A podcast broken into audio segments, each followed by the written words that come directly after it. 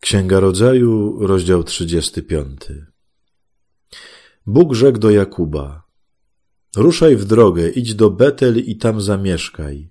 Zbuduj tam ołtarz Bogu, który ci się ukazał, gdy uciekałeś przed swoim bratem Ezawem. Jakub rzekł do członków swojej rodziny i do wszystkich, którzy z nim byli: Usuńcie obcych bogów, którzy są wśród was.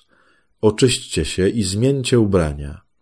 Potem będziemy mogli wyruszyć do Betel. Tam zbuduję ołtarz Bogu, który odpowiadał mi w czasie mojego utrapienia i będę prosił, aby był ze mną na drodze, którą podejmuję.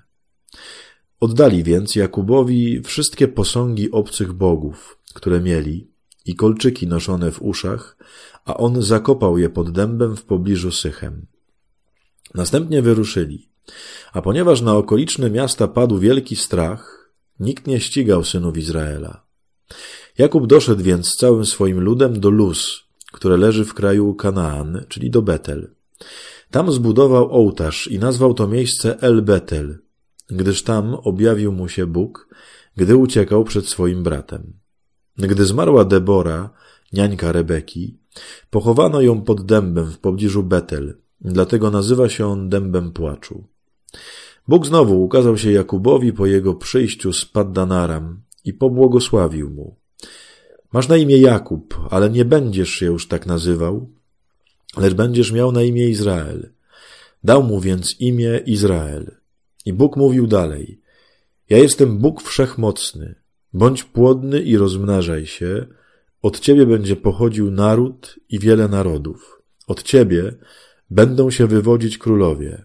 Tobie i twojemu potomstwu daję kraj, który dałem Abrahamowi i Izaakowi.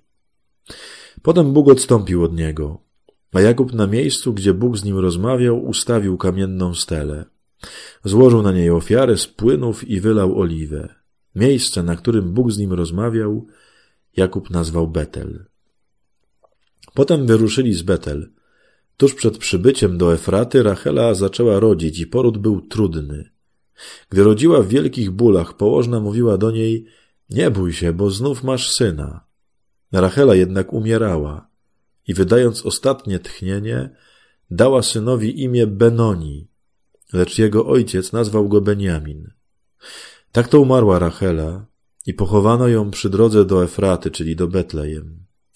Jakub na jej grobie postawił stelę, która istnieje do dziś. Izrael znów udał się w drogę i rozbił obóz poza Migdal Eder. Gdy Izrael zamieszkał w tym kraju, Ruben współżył z Bilchą, drugorzędną żoną swojego ojca, a Izrael dowiedział się o tym. Synów Jakuba było dwunastu. Synowie Lei, pierworodny Jakuba Ruben, potem Symeon, Lewi, Juda, Issachar i Zabulon. Synowie Racheli, Józef i Benjamin. Synowie Bilchy, służącej Racheli, Dan i Neftali. Synowie Zilpy, służącej Lei, Gad i Aser. To są właśnie synowie Jakuba, którzy mu się urodzili w Paddanaram. Wreszcie Jakub dotarł do swojego ojca Izaaka, do Mamre, do Kirjat Arba, czyli do Hebronu, gdzie kiedyś mieszkał Abraham, a teraz przebywał Izaak. Izaak miał wówczas 180 lat. Wtedy opuściły go siły i umarł. Osiągnął piękny wiek i dołączył do swoich przodków. Pochowali go jego synowie Ezaf i Jakub. Moi drodzy, mamy tutaj yy, końcówkę już życia, nie? Izaaka. Mamy też początek całego nowego rodu, nie? W sensie 12 pokoleń już tak nazwanych.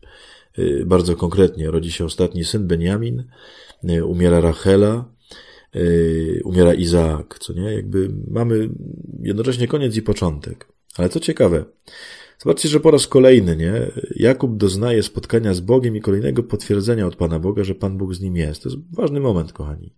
Zobaczcie, ile razy to już było, nie?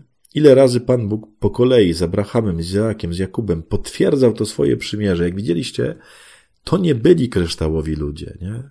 To byli naprawdę momentami po prostu złoczyńcy, mordercy. To byli oszuści, złodzieje. No robili złe rzeczy. Zobaczcie, Bóg ich nie zostawił. Bóg nie powiedział, kurczę, lepszych se mogłem wybrać, nie? Nie, właśnie na tym polega Boża miłość, że On z nami jest. Że On ciągle czeka, aż dojrzejemy, ciągle czeka, aż pójdziemy do przodu. I nawet jak potem idziemy do przodu, a znowu się potem cofamy, to Pan Bóg czeka, że znowu się odbijemy. To jest strasznie piękne w tej Księdze Rodzaju. Ona jednocześnie jest trudna, bo, no mówię, bo ci ludzie no, byli bardzo niedoskonali. Ale jest bardzo piękna, bo Pan Bóg z nimi jest. Pan Bóg ich nie zostawia. Pan Bóg im towarzyszy. Pan Bóg nie rezygnuje z nich, tylko prowadzi ten, przepraszam, że to powiem, ale ten głupi naród, nie? Który ciągle właśnie grzeszy, ciągle odchodzi od jego praw, od jego pomysłów Pana Boga, a Bóg nie rezygnuje. Koni to jest o nas, bo z nami jest tak samo. Odchodzimy, zawalamy, a On jest z nami, On nie rezygnuje. Usiądź dzisiaj z tą świadomością, że Pan Bóg z Tobą jest, cokolwiek się dzieje w Twoim życiu, ile, ile, ilekroć Go zawiodłeś, czy zawiodłaś, On jest z Tobą i On Cię nie opuści.